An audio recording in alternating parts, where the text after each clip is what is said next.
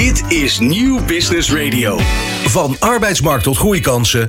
Van bedrijfscultuur tot innovatie. De Ondernemer. Live. Elke dinsdag van 11 tot 1. Live op Nieuw Business Radio. Met Remy Gieling en Roland Tameling. Welke data-inzichten haal je als ondernemer uit Black Friday? Hoe hoog zet je de thermostaat op kantoor deze winter? En hoe maak je van bezoekers op je website trouwe klanten? Een hele goede morgen bij De Ondernemer Live. Mijn naam is Remy Gieling. En ik ben Roland Tameling. En deze onderwerpen en nog veel meer bespreken we de komende twee uur. Aangeschoven in onze studio op het Mediapark in Hilversum. De kersverse Freelancer of the Year, neuromarketing expert, docent en godfather van Schrijven voor het Brein, Martin van Kranenburg. Goedemorgen. Goedemorgen, leuk dat je er bent, eh, Martin. Uh, ja, twee weken geleden stond je hier ook al. Ja, twee weken geleden stond hier ook. Was uh, fantastisch. ben je al een beetje bijgekomen van de overwinning? Nou, weet je wat? Nee. Of is, is het naar je hoofd gestegen?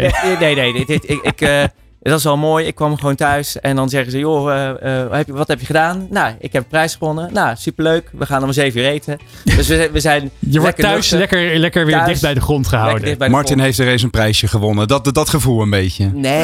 het, is de, het, is het, is, het is de derde deze week. Ja. Nee, nee, nee. Het, nee. nee? Dat, dat, dat, het went nooit. Uh, dus dat, dat is super gaaf. Maar het is wel bizar. Als je dan kijkt hoe bijvoorbeeld zo'n LinkedIn werkt. dan post je dat. Natuurlijk post je dat. Ja, en ik krijg nu allemaal verzoeken van mensen van de lagere school. Want het gaat natuurlijk, natuurlijk zo hard. Dan krijg je zoveel leuke reacties. Nee, het is een feestje. Ik ben nog niet geland. Wat is de leukste reactie die je hebt ontvangen? Nou, meerdere leuke reacties is dat, uh, um, dat mensen zeggen, maar vooral ik zeg maar mensen die je dan heel veel hebben getraind. Ja, gewoon een, een kroon op je werk. Ja, maar is dat ja. er eentje, springt er eentje, eentje bovenuit? Dat je zei, ah, oh, maar dit was wel, dit was wel heel bijzonder. He, dat de nou, koning je heeft gefeliciteerd. Nee, die had geen tijd. Die zat in Qatar. Ja. dus die... nee, Hij niet alleen. Nee, nee, nee, eigenlijk allemaal. Is, is van meer dan 500 reacties. En allemaal leuk. En ik vind ze allemaal net... Het sprong niet eentje zeg maar helemaal bovenuit. Maar het, het was ook best een mooi prijzenpakket wat je hebt binnengesleept. Ja. Hè? Als onderdeel van die uh, Freelancer of the Year prijs. Waaronder een, een elektrische auto die, die je gaat rijden. Ben je nu ook met die elektrische auto? Nee, nee, nee. Ik, ik had een, een afspraak met Svar. Ik, ik had al een auto. Ja. En, en vanwege de duurzaamheid twee auto's. is niet meer van deze tijd. Mm -hmm. En uh, wat ik wel een droom ervan is, is om meer te doen met video. En meer te doen met podcasting. Dus ik mag het inzetten, het geldbedrag, voor een eigen kleine studio. Thuis. Nou, wat goed zeg. Dan ja. zit je hier ook wel goed om even te oefenen. Ja, daarom. Hè? Daarom vind ik het zo vet ook hier. Ja. ja. Maar de, het buiten is binnen. Uh, je, de, de budget voor de podcaststudio. Is het nu achteroverleunen of ga je weer vol gas uh, er tegenaan? Nee, achteroverleunen jongens. Kijk, dat is denk ik het mooie. Dat is misschien ook wel de reden waarom ik de prijs heb gewonnen. Um, achteroverleunen kan je niet als ondernemer. Uh, het enige wat je als ondernemer kan, vind ik, is meebewegen. En, en de reden was natuurlijk uiteraard corona. Dat was zeg, door corona konden er heel veel dingen niet. Maar ik vind als je ondernemer bent, moet je eigenlijk alleen maar denken, wat kan wel? En, uh, en als, als het wat minder is, uh, bij goede ondernemers is het glas altijd half vol. En als je wat minder krijgt, neem je een kleine glas. Is het nog steeds half vol. maar ja. Mooi hè? Ja, maar serieus. Met deze, met deze anekdote ja, we kunnen we de komende twee uur. Oké, oké. Maar het, het is, als jij ergens in de buurt bent, dan, dan stijgt het energieniveau altijd navenant. Dus dat, okay. dat wordt in ieder geval interessant om twee uur te blijven luisteren. Ja, de komende twee uur praten we hierover verder. Maar we ontvangen diverse ondernemende gasten en blikthuiscolumnist Nico Dijkshoorn. Zoals altijd terug op deze uitzending. We gaan er snel van start. Van arbeidsmarkt tot groeikansen. Van bedrijfscultuur tot innovatie. De Ondernemer. Live. Elke dinsdag van 11 tot 1. Live op Nieuw Business Radio. Zo dadelijk. Het meest actuele ondernemersnieuws. Maar eerst, Martin, we gaan de komende twee uur met elkaar doorbrengen. En we beginnen ook graag met een aantal prangende vragen. Zodat de kijker en luisteraar je wat beter leert kennen. Het grote probleem dat ik in mijn werk probeer op te lossen voor mijn klanten is. Dat ze dingen gaan doen. En in welke zin? Ja, kijk, um, mijn grootste probleem is dat zeg maar, um, mensen tijd allokeren in de agenda om structureel naar die website te kijken, dat het beter kan. Dat is het grootste probleem waarin ik teams en individuen moet aanzetten. Ik lig wel eens wakker van. Ik lig wel eens wakker van. Snelle antwoorden, Martin, ah, kom op. man. Uh, leuke ideeën, leuke gedachten. Oké. Okay. Ik lig niet snel wakker. Terugkijkend op mijn carrière, ben ik het meest trots op? Ja, dan moet ik toch eerlijk zijn. Me meest trots op de prijs bij Beekstein Business School. Dat is uh, na drie jaar, uh, na twee keer tweede. Um, uh, de best beoordeelde docent bij Beekstein Business School was vorig jaar. Met een 8,9. En dat was, daar ben ik het meest trots op, omdat dat een cijfer is van een heel jaar. Van meer dan honderden deelnemers. Dus daar ben ik het meest trots op. Het liefst zou ik nog wat willen leren van? Ehm, ja, ehm, mensen die heel goed kunnen tekenen. Ik ben enorm bezig met zeg maar beeldtaal, Ja. eh, zakelijk tekenen. Eh, heeft iemand uit het boek eh, eh, eh, zeg maar, eh, van Movaro, Monique. Ehm, eh, en, eh, of eh, ik ben even de naam kwijt, maar van Movaro. En ja, ik vind dat heel vet en ik vind het een must. Want als je iets kan vertellen in beeldtaal, heb je minder tekst nodig. Voor de duidelijkheid, je hebt een boek geschreven, hè? Schrijven voor het brein. Daar gaan we het straks uitgebreid over hebben. Ik zal het ook even aan de kijker laten zien, zoals dat inmiddels gaat in dit programma. En het Ehm, ging over Monique van Rooyen. Ja, Kijk. Monique van Rooyen. Ja, ja, ja, ja. Vandaar Mavaro waarschijnlijk. Tot slot, mijn missie. Martin, mijn missie is pas geslaagd wanneer? Mijn kinderen het boek tien keer hebben gelezen. en, en, en, en, en als ze, eh, en, en ik, ik heb het boek ook voor mijn kinderen geschreven in de hoop dat als ze aan het, aan het werk gaan, dat ze deze kennis tot zich nemen. Want dit is zo'n cruciale vaardigheid voor je carrière. Voor alles wat je kan doen. Eh, dus de- dan is mijn missie echt geslaagd. Ze, ze hebben nog even, ze zijn nu 15 en eh, 17. De Lucas eh, 15 en Isa wordt in januari 17. Maar mijn missie is echt dat zij dit gaan omarmen. Nou, daarover praten we zo meteen verder in De Ondernemer Live. Maar eerst het laatste ondernemersnieuws. Dit is De Ondernemer live op Nieuw Business Radio. Ja, het laatste ondernemersnieuws van dinsdag 29 november. Het ondernemersvertrouwen in de, in de industrie is de afgelopen maand verbeterd, zo valt te lezen in het Financiële Dagblad. Uit data van het Centraal Bureau van de Statistiek blijkt dat producenten pro- eh, positiever zijn over de verwachte bedrijvigheid. En ook het aantal orders gingen erop vooruit. Producenten zijn daarentegen negatiever gestemd over hun voorraden. Een meerderheid van de ondernemers gaf tegenover het CBS aan dat de voorraad aan eindproducten te klein was in de maand november. Ook in Duitsland, de belangrijkste handelspartner van Nederland, zo schrijft het FD, verbeterde het vertrouwen. De belofte van forse financiële hulp voor bedrijven en huishoudens voor de Duitse overheid lijkt daarbij te helpen. Waar economen steeds, ehm, waar de economen toch eerder hadden over een zware depressie in Duitsland, zijn ze inmiddels milder gestemd. En dan webwinkel-eigenaren zijn beter voorbereid op de feestdagen dan een jaar eerder. Dat zou blijken uit een onderzoek in opdracht van het freelance platform Fiverr onder ruim 500 eigenaren en leidinggevenden van Nederlandse webwinkels. Zo beginnen zij eerder, eh, dit jaar eerder met de voorbereiding van hun promoties voor de feestdagen. Ook verwachten zij dat het huidige lage consumentenvertrouwen de verkoop in deze periode niet zal beïnvloeden. 77% verwacht een hogere omzet. Waar Nederlanders vorig jaar rond deze tijd nog afstand van elkaar hielden, zullen zij dit jaar weer eh, elkaar opzoeken met cadeaus, is de verwachting. En ik moet ook wel zeggen, man, ik weet niet hoe jullie dat ervaren. Eh, ik heb eh, Sinterklaas heeft nu al wat dingen besteld via menig webshop. Ehm, en die worden allemaal op tijd geleverd, in tegenstelling tot vorig jaar. Dus je ziet ook wel dat die bedrijven er beter op zitten. Ja, maar volgens mij zaten we vorig jaar ook nog wel. Zaten we toen nog in die coronatijd? Ja, zeker. Dus, dus, dus, en nu kunnen ze natuurlijk weer de winkel in. Kijk, en dat zie je wel met, met e-commerce, met webshops. Ja. Die hebben natuurlijk ehm, in, in corona zijn ze bizar gestegen. Mhm. En nu zijn- komen ze weer back to reality. Dus eh, ja. Ja, en, en wat ik ook misschien wel een klein beetje stiekem hoop is met het, eh, met het Conversion Friday, zeg maar met, met die Black Friday. Conversion Friday Ja, noem je dat al. Dit is ook wel heel ik- mooi dit. Ja, ja, ja. Ik zit heel wel in die conversie. Vakman, hè? Ja, maar ehm, dat we een keer wat gaan minderen. Duurzaam beleggen heeft wereldwijd een enorme vlucht genomen, mede ingegeven door Europese regelgeving. Maar helaas zit er ook een keerzijde aan. Zo blijkt uit nieuw onderzoek van de Universiteit van Amsterdam onder 415 financieel adviseurs in de VS en Europa. Financiële instellingen blijken hun kennis te gebruiken om hogere fees, de hogere kosten te rekenen aan duurzame beleggers, terwijl ze hier geen extra inspanningen voor leveren. De combinatie met hogere tarieven bedreigt de aantrekkelijkheid van duurzame beleggingen op lange termijn en dat is zorgelijk, al dus de onderzoekers. En dan tot slot de marktplaats voor tweedehands kleding. Vinted heeft vorig jaar 118 miljoen euro verlies geleden. Dat valt te lezen op QuoteNet, dat in het jaarverslag van de Scale-up dook. De omzet steeg fors van 148 miljoen euro naar 245 miljoen euro, maar het verlies eh, verveelvoudigde.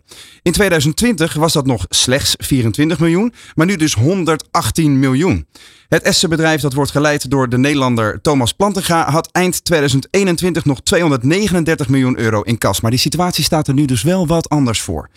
Zo dadelijk, eh, Remy, dan eh, praten we met de Vereniging Zelfstandigen Nederland. Maar eerst, hoe word je eigenlijk freelancer van het jaar? Dit is De Ondernemer live met Remy Gieling en Roland Tameling.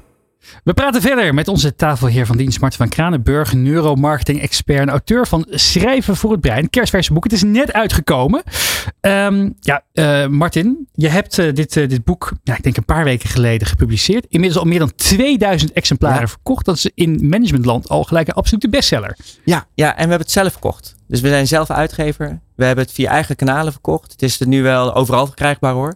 Maar we, ja, we zitten in de online marketing. Dus uh, maar 2000 hadden we ook niet verwacht. Je zegt het heel trots. Wat, wat betekent dat voor jou? Dat je het zonder uh, professionele uitgever hebt, uh, uitgegeven? Nou, ik vind als ondernemer, ja, wat, wat ik leuk vind in het ondernemersvak, is je onafhankelijkheid. Is, is dat je zelf iets kan bepalen. Dit vind ik een mooie voorkant. En dan wordt het een mooie voorkant. Of, of we willen heel veel plaatjes. Want we wel misschien een uitgever zegt: nee, dat is niet de standaard.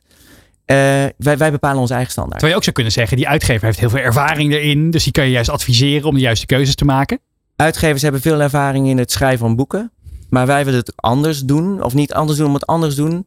Maar we, uh, dat had ik geluk. Dat is Wim van der Mark. Die heeft al een keer drie boeken uitgegeven. Dus die ervaring hadden we in huis. Jouw co-auteur? Dat is co-auteur. En de auteur, de mede-auteur. En, uh, maar marketing, daar hoor ik elke keer van. Ja, daar moet je niet bij een uitgever zijn. Nou, dus dat doen we gewoon zelf. Maar wat heb jij dan anders gedaan dan die grote uh, gevestigde orde, zo gezegd? Nou, wat we anders hebben gedaan. Kijk, we hadden natuurlijk al een hele grote achterban. Uh, en de achterban, we, we doen zeg maar nu in twee jaar tijd. De, de, de cursus is, uh, bestaat nu al twee jaar, die e-learning. Mm -hmm. En dat, dat ging ook helemaal onverwachts hoor. Want we, we, onze intentie was, onze doelgroep was ZZP'ers. Ja. Um, ik geef natuurlijk al jaren trainingen bij, bij, bij business schools, bij Beekstein Business Schools, bij de Erasmus. Maar ik wilde deze kennis voor iedereen toegankelijk mm -hmm. zou zijn. En um, wat er gebeurde, toen we die cursus uh, live gooiden, belde een ondernemer mij en zei: Martin, wat kost die cursus? Nou, dus ik zeg: Heb je de website bekeken? Ja, heb ik bekeken. Nou, dan zie je maar weer, niemand leest dus kennelijk. Mm -hmm. Ik zeg: Ja, 179 euro. Ja, ze zijn een beetje de tarieven gewend van bij Bekenstein. Dus hij zei: Hè, 179 euro? Ja. Doe dan maar mijn hele communicatieafdeling. En, want deze ondernemers snapten het, ik ga zelf ook meedoen. Mm -hmm. Ik ga het niet schrijven, maar als ik het niet kan beoordelen, wie dan wel? Ja. En het was een beetje zo'n, zo'n echt zo'n ondernemer. Hij zei, Martin, uh, ik, ik, ga meer doen met, met, met drie man. Dus met meer mee dan drie man. Dus je hebt wel een staffel, hè? Een staffel. Dus ik, dus ik Wim bellen. Wim, hebben wij een staffel? Nee, hebben we geen staffel. Nou, we zien maar wat. Mhm. Mm -hmm. Dus ik bel hem terug. Ik zeg, uh, Hans, uh, wat vind je van 159? Oh, dat is goed, zegt hij. en met hoeveel doe je mee dan? Nee, tien man. Nou, even lang verhaal kort. Hoe komen we nou in een korte termijn aan, aan zo'n grote aantal? Ja, daarna belde uh, uh, DPG Media. Uh, die, die doen mee met 100 man. WPG. Media, Feyenoord, Novartis. Uh, VVV Tessel, scholen in de kunst, City Marketing Amersfoort. Maar komt dit dan allemaal uit je bestaande klapper, zo gezegd? Ik wil nog even een stapje terug, want mijn vraag was eigenlijk: je hebt dit boek geschreven ja, en, en dan op een gegeven moment gaat het dus lopen. Ja. Maar is het dan een kwestie van uh, Martin van Kranenburg uh, stuurt een nieuwsbriefje en nee. men slaat erop aan? Want jij hebt daar de fijne kneepjes voor. Ja, nee. om, we hadden al meer dan. Dus, dus Even, even terug, waarom is het zo groot? Als je al een achterban hebt van meer dan 1850 cursisten, ja. Ja, dan stuur je een e-mail van jongens, um, uh, er komt een boek aan. Ja. En wat wij, wat wij voor ogen hadden, maar dan zie je dat ik ben ook nieuw in de boekenmarkt. Wat wij voor ogen hadden, is dat wij uh, um, cursisten altijd een voordeel willen geven. Dus onze cursisten hebben altijd voordeel. Mm -hmm. En um, het boek zou 20 euro kosten voor cursisten.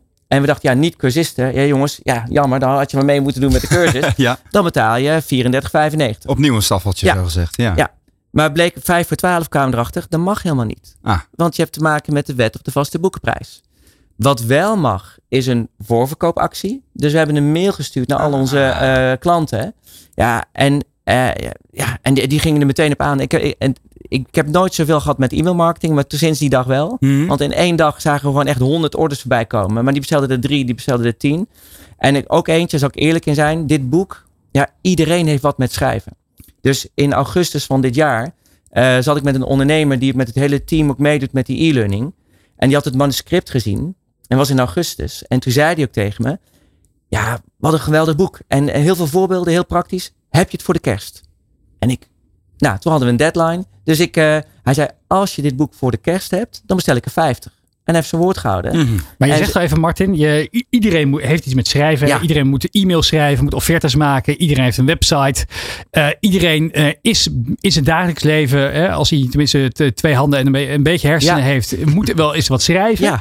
Ja. Um, dus die hebben allemaal wat aan, jou, aan jouw tips. En verderop in de uitzending gaan we daar ook uitgebreid op in grasduinen. Maar ik ben nog even benieuwd, wat nou what makes you tick? Waarom, waarom is Martin van Kranenburg in, in het brein gedoken ooit? Wat fascineert je zo aan dit onderwerp? Ja, wat, wat, waarom jij?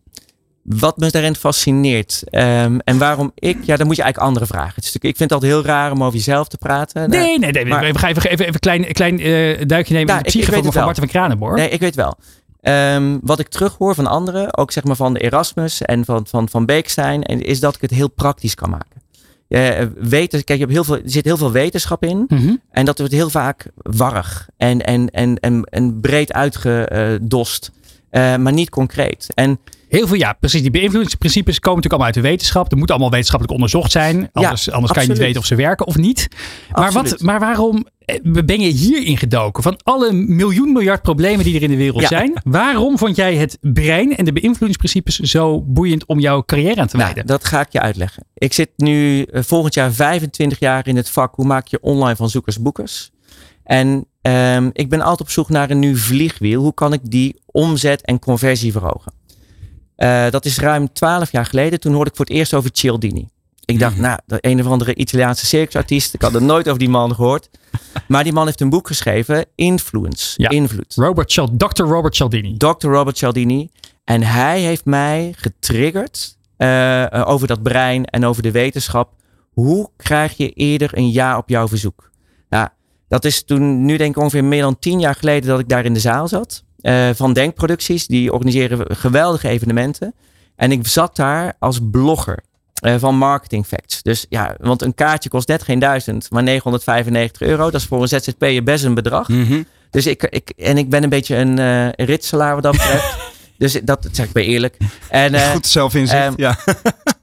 ehm, dat, ja, dat klopt. En, en, ik, en ik werd zo gepakt door die man. Maar het ging alleen maar, hoe krijg ik mijn mensen mee? Hoe, hoe krijg ik een- baas die zijn mensen beter laten werken? En ik zat er toen alleen maar in van, hoe zorg ik ervoor dat, dit, dat ik dit online ga toepassen? En sindsdien heb ik me alleen maar meer verdiept. En ehm Cialdini is, dat zijn natuurlijk de zeven principes. Let op, heel veel ondernemers zetten het in als een trucje. Maar het is geen trucje. Je moet echt in die huid van die ander kruipen. En ik heb daar een heel framework omheen gebouwd. Om zeg maar meer kennis van het brein te hebben. Ja, Het is wel grappig om, eh, om even te benadrukken. Jij zegt al een aantal keren natuurlijk, alsof het de normaalste zaak van de wereld is voor heel veel ondernemers. Dat we die zeven principes van eh, Geraldini kennen en dergelijke. Maar Ja. ik denk dat dat voor heel veel luisteraars en, eh, en kijkers nog best wel eh, een, een, een brei is aan heel veel informatie. Om het even tastbaar te maken voor degene die kijkt of luistert. In theorie zeg jij eigenlijk, door de juiste manier van inzetten van tekst kun je je conversie verg- ver- vergroten. Dat is feitelijk voor de meeste ondernemers het doel van, je, van, van de cursussen die jij aanbiedt, toch? Ja, beeld en tekst. Ja. Het- ja. In theorie zou je dus zeggen, je hebt nu 2000 boeken verkocht. Ja. Door eh, jouw regeltjes op de allerbeste manier in te zetten, zou je in theorie 4000 boeken kunnen verkopen? Ja. Waarom is dat niet gebeurd dan? De, oplage was 3000, dus ik hou me een beetje in. Oké, dus, eh, oké. Ja, maar ja. al- als, ik, als ik me eh, een beetje boos maak, ik verkoop ze zo. Ja, Nou. maar we, we- kijk, we, het leuke is, ehm, we hebben geen haast. Mhm. Datzelfde werken we ook zeg maar, met die e-learning. We willen gewoon een goed product leveren. Ja. En onze beste marketing is gewoon ja, dat klanten het afmaken. Dat klanten het over, eh, dat, dat ze het aan elkaar vertellen. Je mag ook weten, we hebben nog, we hebben nog 0 euro aan AdWords gedaan. Of dat soort toestanden. Eh, we hebben geen enkele SEO-pagina geschreven. Onze ambitie is, en dat meen ik oprecht, het Mhm. klinkt een beetje natte dwelachtig. Maar ehm, als wij er maar voor zorgen dat, dat, dat ondernemers waarde krijgen voor hun geld. Ja. En als wij ze maar achter de broek aan blijven zitten dat ze het gaan doen. Ja, dan zien we dat de ondernemers hun conversie gewoon verdubbelen. Ja, en dan, dan wordt er over gepraat. Straks slimme tips van Martin van Kranenburg over hoe je met rake teksten meer omzet en klanten kunt binnenhengelen. Maar eerst, hoe staat het met het ZZP-pensioen? De Ondernemer De Ondernemer live. op Nieuw Business Radio.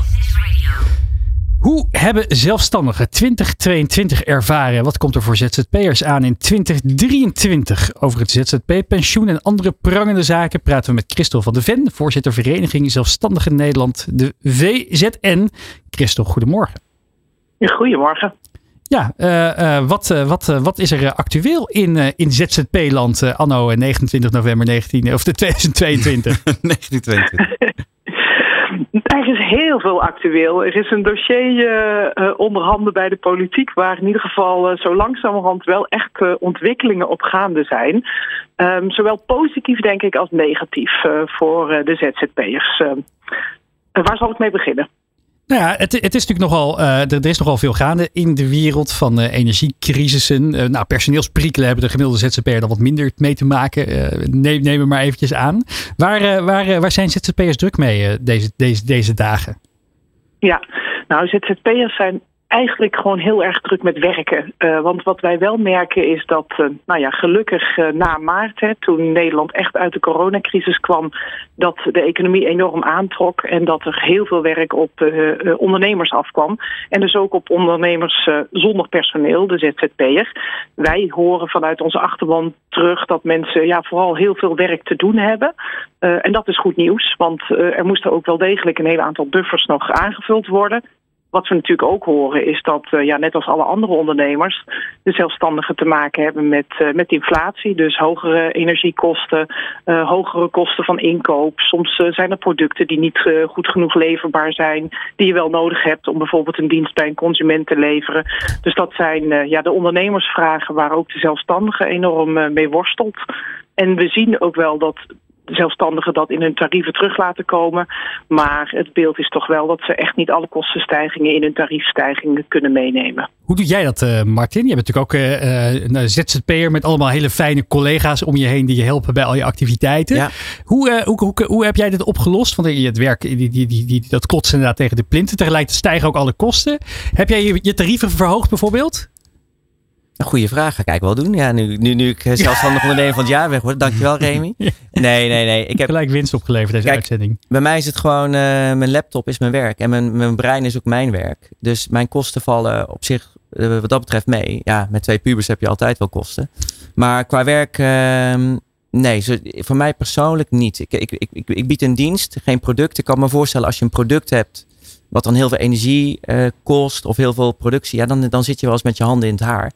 Um, hij zou maar bakken zijn tegenwoordig op, de, op dat soort zaken. Ja, Roland, je hebt natuurlijk ook zelf ZZP'er. Zeker. Ik wil graag eventjes met, met Christel inzoomen op de hele interessante uh, en scherpe blog die vandaag op de ondernemer.nl is live gegaan. Want uh, daar, uh, Christel, daar heb je het ook over in de kop staat. ZZP'ers voelen zich niet serieus genomen door de bekendmaking van het kabinet. Dat zelfstandigen eigenlijk geen aanspraak kunnen maken op de, de, de, de tegemoetkoming voor de vaste lasten. Hè?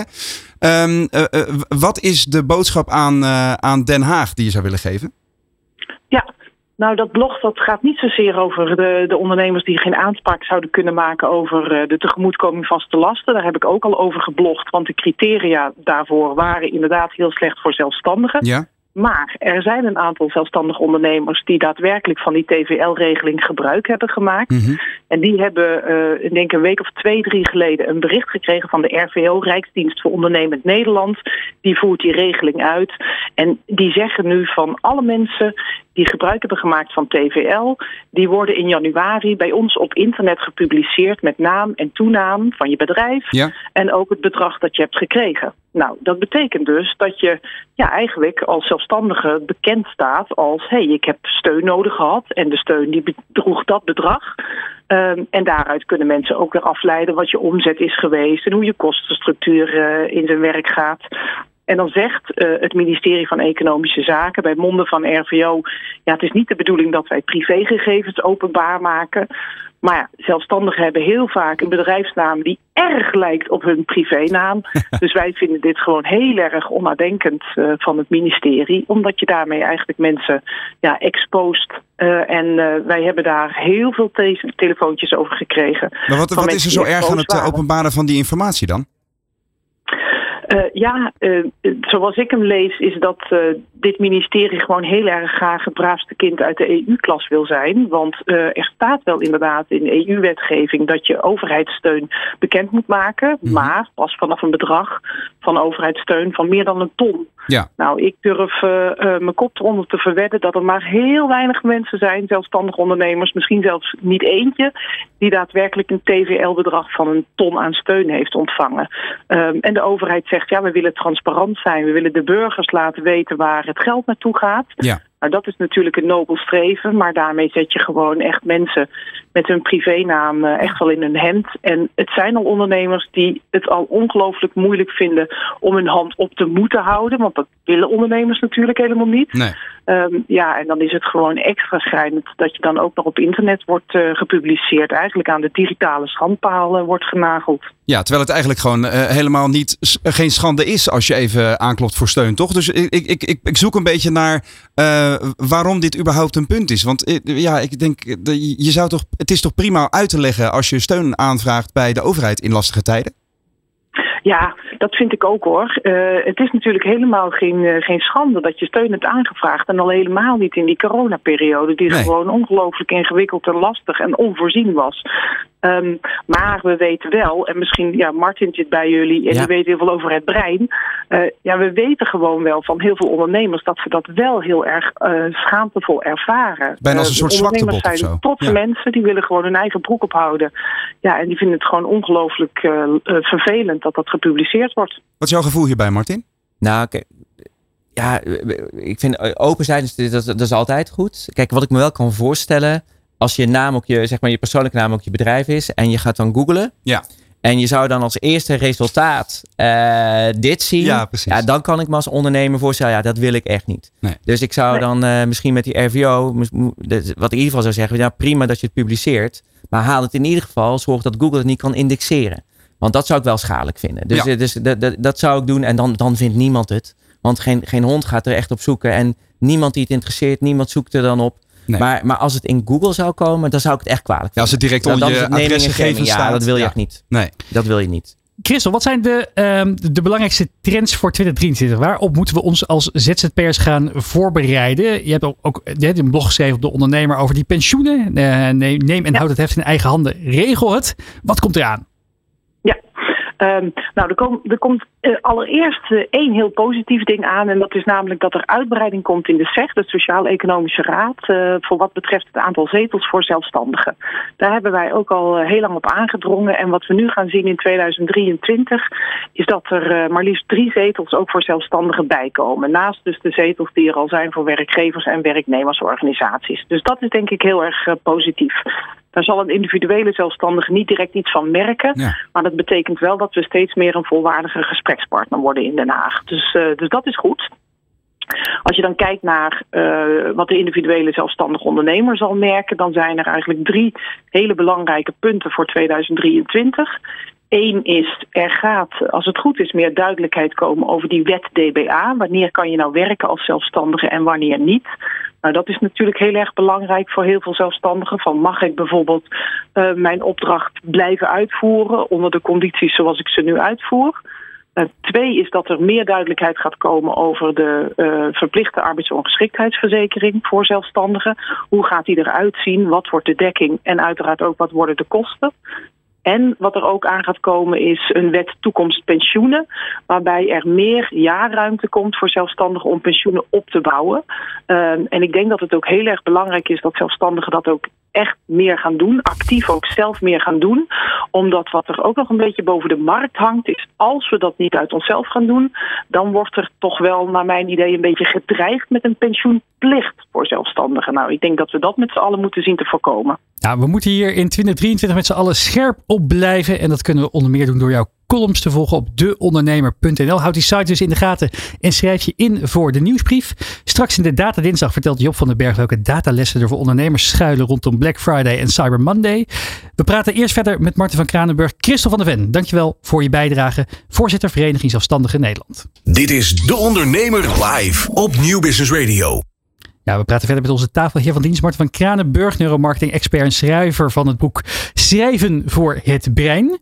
Ja, Martin, wat, eh, wat, eh, hoe, hoe kijk jij naar ZZP-perikelen? Je lijkt er redelijk ja, relaxed onder. Hè? De, je, je leest in de, in, de, in de media allerlei ja, grote rampbeelden van mensen die het hoofd niet meer boven water kunnen houden in deze tijden. Slechte vooruitblikken voor 2023 ook qua markt. Ja, maar je staat Ja. er nog heel relaxed bij. Ja, maar ik zit misschien kennelijk wel aan de goede keuze, hè, zeg maar online en in online marketing.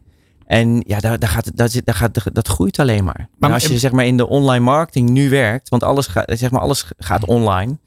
Ehm, en je hebt eh, een uitdaging en dan heb je een probleem. Want dan lever je waarschijnlijk niet genoeg eh, of voldoende werk of voldoende waarde. Ja, hoe, hoe, maar hoe kijk je daar dan naar? Ik denk je van, eh, nou, ik, ben, ik, ben, ik prijs mezelf ontzettend gelukkig. En ik, ik, ik voel, voel, voel je er ook wel eens een beetje ongemakkelijk bij. Dat er, dat er dus zo'n grote tweedeling gaande is. Nou, daar voel ik me niet, ik, daar voel ik me niet ongemakkelijk bij. Ik heb het zelf verdiend. Maar in die zin, ik, ik, werk, ik werk ook 76, 70, 80 uur in de week. Um, dus ik voel me er niet ongemakkelijk bij. Maar ik heb zeg maar wel het, het mazzel, dat zie ik wel hoor. Ik heb de mazzel dat ik mijn passie in online zit. En als je zeg maar een andere ambacht hebt waar daar je energie uit haalt. En um, je komt in de problemen en je, werkt keihard, maar je, je, kan er echt niks aan doen. Ja, daar, daar heb ik echt wel eens moeite mee. Ik uh, vond het grappig om te zien uh, tijdens het gesprek met Christel van der Ven van de Vereniging Zelfstandige Nederland. Dat oh, zodra het woordje pensioen viel, keken Remy en, en, ik elkaar een soort van zelfbewust aan van, oh ja, oh ja. Dat, dat moeten we moeten ook nog doen. regelen. Ja. En, en, jij was stoïcijns, onaangeroerd. dat heb jij dus allemaal al op het droge? Of hoe moet ik het zien? Ja, heb je dat ik, gewoon ik, goed kijk, geregeld? Jongens, ik ben ook al stukje ouder dan jullie. dus ik, ja, ik, nee, maar, het niet zien. Nee, maar, maar uh, ja, ja, ik, maak me, ik maak me nooit zo druk erom. Nee. nee. Maar heb je het specifiek geregeld al? Of heb je zoiets van, nou ja, mijn, mijn token loopt zo lekker, dat komt wel goed? Ja, ik, uh, zoals ik er nu naar voor kijk, ik, ik vond dat boek schrijven leuk. Dus ik ga, ik ga er wel even door met zo'n boek schrijven. Ja. En um, ja, ik, ik zie het er allemaal rooskleurig tegemoet. En uh, wie dan, ja, niet wie dan heeft dan zorgt. Dus mm -hmm. ik bedoel, uh, uh, nee, ik, ik, ik, heb dat wel, zeg maar, nu eindelijk wel in balans. Natuurlijk maak je daar druk over. Kijk, als je ook kijkt naar het brein, ons, en daar moeten we voor oppassen. Uh, het brein is enorm gedreven op dingen die mis kunnen gaan. Mhm. Mm -hmm. Op angst. Maar het is helemaal niet waar. Die, de angst is vaak helemaal niet waar. Dus je ligt vaak soms op nachten wakker van dingen waar je helemaal niet wakker voor hoeft te liggen. En als je dat besef al een beetje krijgt, dan kan je ook veel relaxter gaan ondernemen. Verderop in De Ondernemer Live. Een bakfiets is niet langer alleen maar voor de hippe millennial ouder in Oud-Zuid. Maar ook voor bedrijven steeds interessanter. Waarom dat is, dat hoor je zo dadelijk. Maar nu eerst gaan we naar de Data Dinsdag met Job van den Berg. De Ondernemer. De Ondernemer Live. Op Nieuw Business Radio. Ja, in de studio aangeschoven onze huisdata-expert Job van den Berg van Bluefield Agency. Hij vertelt iedere week in de Data Dinsdag wat ondernemers echt moeten weten over slimme ondernemen met data. En vandaag gaat het in navolging van het marketinggeweld van de afgelopen dagen natuurlijk over Black Friday. Ja, want afgelopen week was het Black Friday. En in een tijdperk waarin consuminderen misschien een beter idee zou zijn, staan nut en noodzaak van Black Friday ter discussie. In deze column ga ik in op de trucs die worden gebruikt om ons te verleiden tot meer aankopen. En dat gaat veelal over het toepassen van de juiste prijsstrategie, door middel van AI en machine learning. Want welke data- en machine learning toepassingen zijn er om betere prijs te bepalen, ten einde meer omzet te genereren? Er zijn een aantal databenaderingen waar ik je graag in meeneem. Allereerst de psychologische benadering, prijsperceptie. Wat heeft de consument over voor een specifiek product? Dit meet je door een vragenlijst te sturen naar je doelgroep en verschillende prijzen voor te leggen en te kijken bij welk omslagpunt consumenten het te duur vinden. Het punt waarbij consumenten nog bereid zijn te betalen en het prijspunt waar ze het te duur vinden, dat is je ideale prijs. Dat is volledig gedreven vanuit de perceptie van de consument, zonder de kosten en ideale marge voor het product mee te nemen. Dat is meteen een nadeel van deze benadering. Een voordeel, de consument staat centraal en die bepaalt de prijs. De tweede benadering is de economische benadering, de optimale prijspunt vanuit vraag en aanbod. En misschien is deze benadering wel relevanter dan ooit, gegeven de hoge energiekosten en inflatie. De ruimte om te dalen in prijs is kleiner geworden door de stijgende kosten en kleinere marges. De prijs verhogen is noodzakelijk, maar ook daar zit de grens aan. Kortom, je wil je winst maximaliseren, maar hoe doe je dat? Je pakt alle prijsdata van je product in een bepaalde periode en relateert deze aan de omzet en winst die dit heeft opgeleverd. Vervolgens kun je het met machine learning voorspellingen modelleren op basis van deze data uit het verleden om te voorspellen wat het break-even point is, het punt waarbij de afzet en winst op het product het hoogst is. Hier zie je de kracht van machine learning. Gegevens uit het verleden helpen je om betere keuzes te maken voor in de toekomst. Een voordeel, zowel vraag en aanbod bepalen je prijs. Nadeel, je moet veel historische data hebben. De laatste benadering, dat is de marketingbenadering. Marketing mix modeling. De laatste machine learning toepassing is vanuit de marketingbenadering, want je ziet media en promotie in om de aantrekkelijkheid en bekendheid van je product te vergroten, ten einde een hogere omzet en winst te behalen. Denk aan een radio- of tv-spotje, advertenties. Dat kost geld, dus je wilt weten met welke factor je investering terugkrijgt. Kortom, hoeveel extra omzet levert dat tv-spotje of die radiocommercial precies op? Met een marketingmix model kun je je omzet verklaren aan de hand van al deze marketing- en media-inspanningen. Waarbij je kijkt welk deel van de omzet echt te danken is aan deze inzet. Gecontroleerd voor andere externe factoren, zoals bijvoorbeeld het weer, dat ook vaak van invloed is. Voordeel van deze benadering, je neemt marketing- en media-investeringen mee. Nadeel, je moet veel data hebben en het is lastig om van, van alle activiteiten goed mee te nemen. Terug naar Black Friday. Dat is net geweest en wellicht iets over de top. Maar hoe kunnen de besproken modellen jou nu al helpen om de juiste prijs te bepalen en je omzet te maximaliseren zonder in een red ocean te belanden? Hier een aantal tips. Allereerst, Black Friday is voor veel bedrijven het moment om de marketing en media inzet te verhogen. Veel reclames en advertenties, dat zijn kosten. Wegen die we op tegen de extra afzet die je genereert. Is het geen broekzak vestzak? Ten tweede, de prijsperceptie consumenten is tijdens Black Friday totaal vertekend. De vraag is dan of een datamodel ontwikkelen en inzetten, inzetten wel zin heeft. De situatie is niet representatief voor de werkelijkheid. Misschien moet je Black Friday niet als extra omzetgenerator beschouwen, maar als een marketingkanaal, een kostcenter om producten te promoten en op een ander, een later moment meer omzet te genereren door het inzetten van machine learning ten behoeve van de beste prijsstrategie. Ten derde en tot slot, Black Friday wordt beschouwd als een specifiek moment, bijna losstaand van de rest van het jaar. Doe dat niet. Relateer het aan andere promotieactiviteiten en kijk dan wat het uiteindelijk oplevert. Dus in het totaalplaatje van alle activiteiten die je onderneemt. Succes! Dankjewel Job van den Berg van Bluefield Agency. Martin, Ja, hoe luister jij hiernaar? Wat, wat, wat neem jij hiervan mee? nee, tu- eh, prijspsychologie is natuurlijk eh, mega interessant en eh, data is altijd interessant. Ehm, ik denk ook wel dat je een beetje je buikgevoel moet volgen. In, in zo'n prijszetting. En, en dat je ook kijkt van hoe voelt het voor jou. En ik, bijvoorbeeld met die e-learning die we hebben gemaakt, eh, hebben we gewoon gezegd 179 euro. Ja. Dat voelde gewoon goed. Er zit- ja, zit serieus. geen- En we hebben- zit geen diepte, Eh, eh, machine learning model nee, achter hoor. om Zit- dat te bepalen. Nee, het voelde als een eerlijke prijs, een goed product. Ja. En, en achteraf, als ik het misschien had getest, eh, dan had ik misschien wel ehm, eh, die e-learning voor, nou, voor 400, 500 euro aangeboden. Hadden we nooit gestaan waar we nu staan. Want het- dan hadden nooit, heel- dan nooit hele teams meegedaan. En ik, het, het, voor mij, het voelde zo goed. En ik vind soms wel het gevaar van data. Ehm, als ik kijk naar het hele online marketing spellen, dat is, ik, uiteraard, het is, het is data driven. Dus je kijkt op data.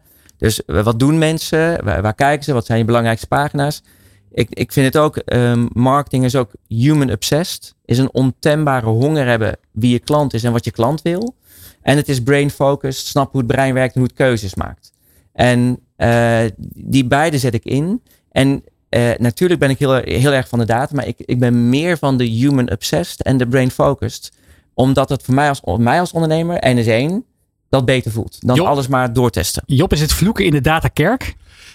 Eigenlijk sluit ook weer heel goed op elkaar aan. Ik herken wel wat je zegt. Het is het, het uiteindelijk de balans vinden. Want inderdaad, je gut feeling of inderdaad het gevoel hebben, dit is een goede prijs, is eigenlijk Ja. ook een soort van een hypothese, verwachting dat het gaat Ja. werken.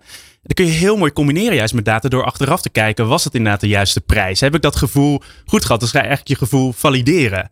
Dus ik denk die combinatie van juist je gevoel en eh, ook je. en uiteindelijk ben je zelf ook een soort van algoritme. Hè? Je hebt zelf ook bepaalde beslisregels. Maar door dat juist subjectief en objectief te combineren, ik denk dat dat een hele sterke combi, eh, combinatie eh, eh, zal zijn. Door soms je gevoel te volgen. Ja. En, maar dan ook achteraf eens te kijken, hey, klopt dat, dat gevoel met de data achteraf? En op die manier met dat spel wellicht twee, die twee kanten te versterken. Job, nu zijn er heel veel ondernemers die waarschijnlijk luisteren of kijken met een, die een webshop hebben. En eh, die denken, ja, dat is allemaal leuk. Die dynamic pricing en misschien hè, data inzetten om de juiste prijs te bepalen op het juiste moment. Eh, ja, ik heb die kennis en kunnen niet in huis. We, we kennen hè, dat fenomeen yield management ook een beetje uit de luchtvaartindustrie. En Dat, dat Ja. de prijs Ja. afhankelijk van het moment en de persoon aangepast wordt. Zijn er ook slimme tools beschikbaar voor ondernemers die ze hier gewoon gebruik van kunnen maken zonder dat ze dat helemaal zelf moeten gaan bouwen in-house? Goeie vraag. Nou, echt specifieke tools die het zeg maar real-time doen. Die zijn er wel, maar uiteindelijk is het toch wel een stukje menselijke interpretatie overheen moet gaan. Want yielding uiteindelijk is ook uiteindelijk menselijke keuze maken welke prijs het uiteindelijk is. Ik moet heel eerlijk zeggen, zeg maar echt tools specifiek daarop is mij niet helemaal bekend dat ik nou een paar namen of een paar tips eh, kan geven. Maar uiteindelijk in die end bij, bij, bij yielding is uiteindelijk ook wel de keuze maken eh, hoeveel wil, wil je gaan bijvoorbeeld met Black Friday? Want uiteindelijk kun je daar natuurlijk heel, heel laag zitten in je yielding. Ja, Met een bepaalde reden om later weer omhoog te brengen. Dus dan kan het model wel zeggen, ja, je kan beter X of Y zeggen. Maar dan is uiteindelijk wel weer dat gevoel er ook bij of je die keuze uiteindelijk wil maken. Ehm, eh, maar echt specifieke lijst met tools, daar, eh, dat is mij niet bekend, zeg maar, die een echt specifiek er, er zijn real time. Martin, als je kijkt naar Black Friday specifiek, eh, hebben jullie een Black Friday actie Nee. gehad? Nee, nee. Ook geen nee. Cyber Monday? Ik doe er niet aan mee. Nee? Nee, nee. Ehm, we kregen dat wel eh, eh, vorig jaar. Had ik een, eh, een, iemand uit mijn training zitten. Dat was een cursist. En die zei, oké, want mensen betalen 179 euro. En die zei, hey, ik zat te wachten op een Black Friday aanbieding. Ik zei, nou vriend, dan kan je lang wachten, want die komt er niet. Maar zei, hoezo dan niet? Ik zeg, nou, nou moet je even, en dat is een beetje dat bewustzijn. Ik zeg, hoe zou het voor jou voelen als, ik, eh, als jij een week daarvoor die 179 voor die e-learning had betaald, wat dan een normale prijs is? En eh, jouw vriend komt dan naar je toe en zegt, ja, maar ik, eh, ik kreeg van eh, die jongens van Schrijven voor het Brein kreeg ik 5% korting. Hoe voelt dat voor jou? Als, als, dus we doen het niet. We doen er niet aan mee. En ik vind het ook niet ethisch, want een e-learning, ik, ik, ik, ik kan geen korting geven. Het is gewoon een prijs. Het is gewoon, het is dan weer echt weer maximaal voor jezelf gaan. Dus wij doen daar niet aan mee. Job, wat, is, wat, wat, wat, wat voor acties zijn jou opgevallen? Ik heb het idee dat het dit jaar minder heftig is dan vorig jaar. En moet ik ook zeggen, persoonlijk, vorig jaar ben ik best wel losgegaan. Heb ik een uh, grote tv gekocht. Maar Ja. dat was ook een beetje door de coronatijd. En dat je thuis zat en dat je meer daar eigenlijk... Grote door... verveling allemaal. Ja, maar ook die er meer open voor stond. Omdat er gewoon niet zoveel eh, meer was. Dus ik heb het gevoel, maar dat is wel een beetje En mijn alles was online. Ja, alles was ook Ja, online. kon alleen maar online. Ja, ik heb het idee dat iets minder... En ook de discussies wel wat meer op gang gekomen. Van, moeten we dit wel? Natuurlijk Dille Camille, natuurlijk het voorbeeld Camille, ervan. prachtig. Ja, heeft uiteindelijk ook veel impact gehad op de discussie eh, daarover. Dus ik heb het idee dat het iets, eh, de heftigheid eh, iets wat minder is geworden. Ja, Dylan Cam- eh, even de context. Dylan en Camille besloot alle winkels te sluiten. Hè, om met het hele personeelsbestand, 400 mensen of zoiets. Om allemaal een, een dag lang zich in te zetten voor het goede doel. Ja, ik, ik, ik heb het gezien en ik vond het wel prachtig. Ik heb ook een, een screenshot gemaakt. Daar staat ik op LinkedIn. De screenshot van hun homepage. Ja, dus had ik hun homepage aangepast. Hoe gaan ze dat doen? Ja. Kijk, wat ik belangrijk vind in die zin is dat mensen meer bewust worden van het feit dat. Dus dat en er zijn natuurlijk honderd en één meningen. Als je op LinkedIn ook kijkt van ja. ehm, kijk, ze hadden ook de winkels open kunnen houden en het bedra- bedrag aan een goed doel kunnen geven. Wat ik wel vind, kijk, natuurlijk die Black Friday eh, is misschien prima, maar misschien wel voor de mensen die het nodig hebben. Ja. Dat, dat, dat, dat is een beetje. En, en ehm, wat je heel vaak ook ziet, en dat, maar al, kijk, dat vind ik ook wel mooi. Alles komt bovendrijven. Hè? Ook van die trucjes. En we gaan de prijs even laag doen. En waardoor de korting. We, trappen. Uiteindelijk, mensen doorzien het. En dan is het, is ook maar een beetje de vraag. Hoe ver ga je met Black Friday? Want je hebt nog 364 andere dagen. En dan heb je ook met je andere eh, klanten te maken. Dus eh, ik kijk vooral hoe voelt het voor je bestaande klanten als je hierin je mee laat zuigen, zeg maar. Ja.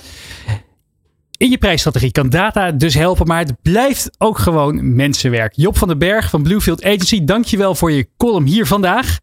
En dan gaan we van de Data Dinsdag naar de bakfietsen. Want je kunt er in de binnensteden niet omheen. Jonge ouders op die bakfietsen. Maar ja, een bakfiets is veel meer dan alleen een gezinsvervoersmiddel. Meer en meer bedrijven maken er gebruik van. Wat je als bedrijf ermee kan, dat vertelt Jeroen Beumer van Baboe. Hij staat voor de studio met Roland Tameling met twee bijzondere exemplaren. Zeker, Remy. Zeker. Er staan hier eens een keer geen auto's voor de deur, maar twee bakfietsen. Aan mijn rechterhand een, nou ja, het exemplaar dat wij alle eigenlijk kennen. Hè. Bij mij in de buurt in een relatieve nieuwbouwwijk in, in Rijswijk is dit zo'n beetje het meest geziene voertuig op een eh, Nissan Qashqai na.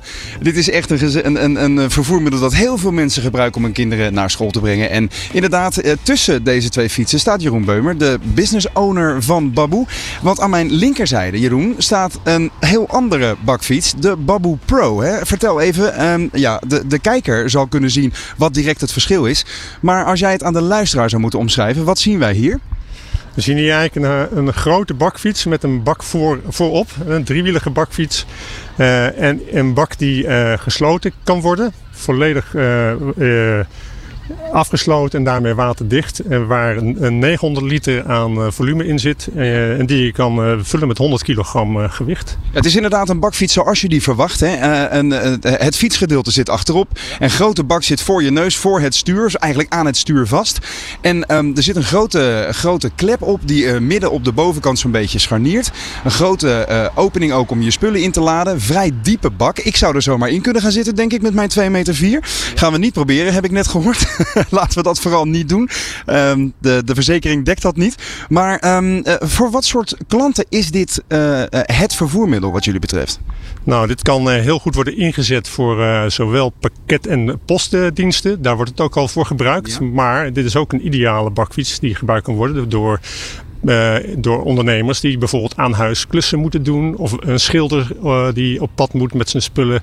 Eigenlijk is het een heel breed inzetbare fiets. Gebeurt dat ook echt al? Dat schilders hier hun kwasten en hun potjes verf ingooien en, eh, en, en hun bus laten staan? Ja, we hebben klanten die dat al doen. Hè? Maar we hebben eigenlijk eh, allerlei soorten klanten. We hebben ook eh, business, of, eh, fitnessinstructeurs die eh, bootcamps in het park houden en die spullen meenemen met de, met de bakfiets. Dus eigenlijk is het gebruik is heel breed. En soms worden we ook wel verrast door het type gebruik wat er, eh, wat er mogelijk is.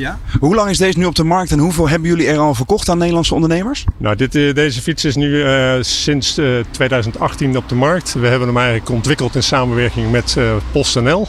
En er zijn er op dit moment ettelijke honderden, honderden op de weg, en, maar door heel Europa. Samen ontwikkeld met PostNL. Dus zij hebben aan jullie aangegeven: dit en dit en dit zijn de, de kwalificaties waar de fiets aan moet voldoen. Wat voor wensen zijn er dan bij jullie klanten? Nou, het was natuurlijk heel belangrijk voor PostNL dat, eh, dat ze goed konden zien wat, wat eh, er in die bak kan. Hè. Dus eh, dat is belangrijk. Daarnaast eh, eh, voor PostNL bijvoorbeeld ook eh, hoe, hoe kan die open en dicht zodat zowel eh, de pakketten enigszins in, in slecht weer ook beschermd zijn tegen, tegen de regen. Dus vandaar dat we de hoek in de opening hebben. Eh, de- en er is heel erg gekeken naar eh, kun je makkelijk de spullen in en uitladen. Dus ook de hoogte van de opening is erg bepalend. Dus op, we hebben eigenlijk naar al dat soort aspecten gekeken om het gebruik uiteindelijk van de gebruiker die met de fiets rijdt, Ja. om dat zo, eh, zo makkelijk mogelijk te maken en zo goed mogelijk eh, te ondersteunen. Laten we eens even eh, lopen naar de andere fiets die hier staat. Het, het origineel zo gezegd. Want sinds wanneer is deze baboe op de, op de markt? Eh, deze is eigenlijk ook rond dezelfde tijd op de markt gekomen. Dit is eigenlijk, hij lijkt heel erg op de familiefiets. Alleen omdat het een, een tweewielfiets is. Alleen het is ook een professionele eh, fiets. Dus de bak die erop zit is ook eh, afsluitbaar. Hier kun je ook geen kinderen in vervoeren. Het kan wel, maar ook dat dekt de verzekering niet, zal ik maar zeggen. Zou je de, de deksel er even af kunnen halen? Ja. dat gaat inderdaad, dit is dus een, eh, een, een, een, een- voor mijn gevoel een wat compactere fiets met een lagere bak. En hier gaat het, eh, het deksel eh, opent naar voren toe. Waarom is deze anders dan die links van jou staat? Nou, dit is een tweewielfiets die over het algemeen wat wendbaarder is in de stad. Eh, je kan er wat, wat sneller op fietsen dan op een driewieler. Met name ook in bochten. Omdat je in een bochten met een driewieler over het algemeen even wat rustiger aan wil doen. Eh, dus het is eigenlijk eh, ook voor, voor een iets andere soort toepassing. Voor mensen die wat minder ruimte nodig hebben in hun bak. Maar die tegelijkertijd toch snel en wendbaar door de stad willen zijn. Ja, ik moet meteen denken aan een, een, een wijnhuis uit Rotterdam dat mij vertelde. Wij hebben niet meer gekozen voor een elektrische bus of voor een dieselbus. We gaan nu onze wijn door de stad vervoeren op dit soort fietsen. Hè. En inderdaad, hier passen heel wat kratjes wijn in. Ik zie ook een, een accu-lader liggen in de bak van deze bamboe. Ehm, en in de, eh, eh, in de, bij het, krank, het, het krenkstel van deze fiets zie je een Yamaha middenmotor. Hè? Eh, elektrische fiets. Wat, eh, wat haalt deze aan, aan bereik bijvoorbeeld, aan ondersteuning? Nou, de ondersteuning is ongeveer 60 tot 80 kilometer. Dus zoals je weet is natuurlijk de, het bereik is erg afhankelijk van een aantal factoren. Het kan met weer te maken hebben, ook maar de belading. Ook de, de eh, ondersteuningsstand die iemand kiest om in te fietsen. Dus als je als, alsmaar op het hoogste ondersteuningsniveau zit, dan ga je wat minder bereik hebben. Maar Ja. we, we rekenen met zo'n beetje 60 tot 80 kilometer. Netjes. En eh, qua prijs, wat is het verschil tussen de tweewieler hier en, en de driewielsfiets met de grotere eh, bagagecapaciteit? Er zit ongeveer 850 euro ex-BTW tussen. Dus deze is rond de 4500 euro en deze is rond de 5400 euro ex-BTW. Oké. En, en hoe eh, zit het met eh, de marktpenetratie zo gezegd? Eh, hoe makkelijk overtuig je nou Nederlandse ondernemers om niet voor een, hè, een geëikt vervoermiddel te kiezen, maar voor een, een bakfiets die echt gemaakt is voor professionals? Nou, dat is best een uitdaging. Want eh, we weten allemaal dat natuurlijk steden die gaan op slot voor, voor busjes. Hè. Er moeten naar nul emissie. Moet ook steeds naar minder. naar, gaan me- meer steden gaan naar autoluw. Uh, en we zien dat heel veel ondernemers uh, daar nog, nog niet heel goed van op de hoogte zijn. Nee. En dat ze ook nog best wel uh, terughoudend zijn om die stap te maken. Maar meer steden gaan naar autoluwde, dus juist koren op jullie molen, toch? Absoluut. Hè? Dus we verwachten ook dat die, dat die omslag gaat versnellen. Ja. Naarmate de, de 2025 dichterbij komt. en we zien dat het voor ondernemers enorm aantrekkelijk is financieel. Want het, is, het is een goedkopere oplossing. je, bent, je bent sneller door de stad. Je kan meer stops op een dag doen. Uh, wat vaak nog wel een argument is om het niet te doen, is dat het voor bereiders nog wel een omslag is. Hè? Iemand uit een bus halen en op een fiets zetten is best een uitdaging. Ja, ja, uh, want iemand is natuurlijk gewend om dan droog te zitten en warm. En het stuur is niet verwarmd, neem ik aan. Het stuur is niet verwarmd. Maar wat, we eigenlijk, wat, wat wij al aangeven, is wat je, wat je misschien wat moeilijker in kan schatten, is maar dat het voor een bereider ook heel veel brengt. Hè? Want een bereider die op een fiets gaat, die heeft de rust in zijn hoofd dat hij weet hoe lang die bezig is. Die, die is niet onderweg, wordt hij niet uh, opgejaagd door andere automobilisten die, uh, die zitten te toeteren als hij zijn spullen wil uitladen. Mm -hmm. Dus hij creëert, je creëert eigenlijk voor je medewerkers een enorm stuk rust. En daarnaast is het, is het een, een, mooie bijdrage aan de gezondheid van mensen ook. Ja, hè? Mensen ja. kunnen gewoon lekker in beweging zijn onderweg. Maar dus het, het, het, het uh, overtuigen bijna van het doorbreken van die gewoonte is jullie grootste uitdaging in zekere zin, begrijp ik. Het, het, het meekrijgen van de mens in zekere zin. Um, uh, wat zijn jullie voornaamste concurrenten eigenlijk? En wat doen jullie dan anders waarom uh, professionals bij jullie zouden moeten aankloppen? Nou, we hebben natuurlijk concurrentie in, op het bakfietsgebied, maar eigenlijk ook andere LEF-voertuigen. Low emission vehicles? Ja, sorry, heel goed dat je het zegt. low emission vehicles, dus ja. de kleinere, lichte, licht elektrische voertuigen. Uh, dus eigenlijk is, is het concurrentieveld heel breed. Op zich vinden we het eigenlijk helemaal fijn, want uh, er moet nog enorm veel gedaan worden om die markt open te breken. Dus hoe meer partijen we hebben die ons verhaal, met ons het verhaal vertellen dat het belangrijk is om, om over te stappen op een emissieloos alternatief, hoe beter dat is voor ons ook als, als merk. Dus we, we, we, we zijn eigenlijk heel blij met, met alle concurrentie die er is. Ja, maar de, de fiets die hier rechts staat, hè, de, de grote witte bakfiets, ja. die is dus uh, in co-creatie ontstaan met PostNL onder andere, vertelde ja. je. Ik kan me voorstellen dat het, het samenwerken met grote partijen, die dus wellicht ook meteen honderden fietsen van jullie kunnen afnemen. Dat is A goed voor de business, maar B ook goed voor het product en dus voor de overtuiging richting de, de consument en de gebruiker. In hoeverre staan daar nog meer plannen en wat kunnen we verwachten voor de, de toekomst bij Baboe? Nou, in principe is het zo dat we uh, heel graag met andere partijen samenwerken om door te ontwikkelen. We hebben eigenlijk als, als uh, denk ik, een van de weinige partijen al ruime tijd ervaring met fietsen in die markt. Dus dit is een markt waarbij je eigenlijk pas uh, door ervaring echt leert hoe goed je product is. Je kan twee jaar zo'n fiets hebben rijden en er is niks aan de hand. Maar als in het derde jaar opeens uh, de boel toch kapot gaat, heb je toch een probleem. Dus wat dat betreft zijn dit soort samenwerkingen omarmen dat heel graag. En we zijn wat dat betreft altijd op zoek naar partijen die dat interessant vinden om met ons te doen. hoe kunnen ze zo in contact komen met jullie? Nou, ze kunnen contact opnemen met mij via LinkedIn eventueel. Daar ben ik te bereiken. Jeroen Beumer voor de duidelijkheid. Ja. uh, of ze nemen even contact met info.baboe.nl. Heel goed. Want jij zegt het, de ervaring om te kijken of je product goed is, is een van de manieren om ondernemers te overtuigen van het, het nut en de noodzaak van een, van een bakfiets. En ik moet meteen even denken aan een test die ik laatst zag tussen het inzetten van een elektrische bus in een uh, druk stadscentrum en het bezorgen met een bakfiets. En toen bleek vrijwel altijd de bakfiets sneller en nou, niet zozeer comfortabeler, want je hebt met weersinvloeden te maken natuurlijk natuurlijk. Maar wel een serieuze concurrent voor die andere last mile deliveries. Waar je even pra praktisch gezegd 45.000 euro kwijt bent voor de aanschaf van je voertuig. In plaats van zo'n 4500 euro. Hè? Ja. Dus kort gezegd, de verwachting voor de komende twee jaar? Nou, wij zijn heel ambitieus en wij, wij, verwachten dat we enorme groei tegemoet gaan. Uh, uh, en we hebben denk ik de fantastische producten om dat in te vullen. We, we hebben denk ik een, een mooie, mooi product voor ondernemers om die overstap te maken. En we denken graag met ze mee om ook de, de weerstand die er eventueel is, om die te overwinnen. En om te kijken hoe, we, hoe ze optimaal gebruik kunnen maken van onze producten. Uitstekend. Dankjewel Jeroen Beumer, uh, de business owner van Babu Pro in Nederland. En uh, nou, mocht je meer informatie willen weten, kijk dan eventjes op de website die hier staat. Mark, uh, de cameraman, brengt hem nog even in beeld. babupro.com En dan ga ik weer naar binnen voor deel 2 van deze show. De Ondernemer. Live op Nieuw Business Radio. Ja, dankjewel Roland Tameling. Ondertussen komt het nieuws binnen dat Schiphol Plaza is afgezet vanwege een incident met een verdacht persoon. Het uh, afgezette deel vindt zich plaats in de centrale hal tussen de kerstboom en het filiaal van de Burger King. Ja, wie kent het niet? Uh, de vluchten lijken tot dusver wel door te gaan. We houden de situatie nauwlettend in de gaten. Uh, Martin, we zagen net die prachtige bakfietsen hier voor de deur. Is dat ook iets waar jij misschien naar zit te kijken? Is dat, is dit, ja, we zagen ze hier natuurlijk voor mensen die ook fysieke producten moeten bezorgen. Als ZZP'er heb je er misschien niet zoveel aan. Tenzij je boeken op ja, precies. duurzaam wil gaan, eh, wil gaan Ja. eh, rondbrengen. Ja, nee, ik vind prachtige dingen. Ja? Ik echt, ja, nee. Bakfietsfan? Ik, ik ben wel, ik heb er zelf geen, maar ehm, ik, vind, ik vind het gewoon prachtig. Qua, qua design, qua duurzaamheid. Eh, en zelf ben ik altijd, ik pak liever even de fiets dan de auto. Ja, ja, je kreeg natuurlijk als eh, freelancer of the year ook een auto aangereden. Ja, dat was een van ja. de hoofdprijzen. Maar jij Ja. hebt toch bedankt voor de eer. Nou, kijk, ik, eh, ik, ik heb al een auto, dus waarom zou ik twee auto's hebben? Dat, dat, dat is het niet van deze tijd. Daar waren ze ook helemaal mee eens. En ik wilde zeg maar investeren in een studio, meer met video doen en meer met, met podcasting doen. Eh, dus dat gingen ze helemaal in mee. Dat was wel heel super gaaf. Nou, de rol van eh, podcasting en video ook in de moderne medialandschap. En hoe je mensen ook via die kanalen kan beïnvloeden. Hè, met de Ja. breinprincipes die jij over de bühne brengt. Daar gaan we het na de break over hebben. Want straks in de tweede uur van de ondernemer praten we natuurlijk verder met Martin van Kranenburg. We hebben meer ondernemende gasten. We hebben een bijzondere SUV voor de deur. Ik, ik heb hem al eventjes gezien.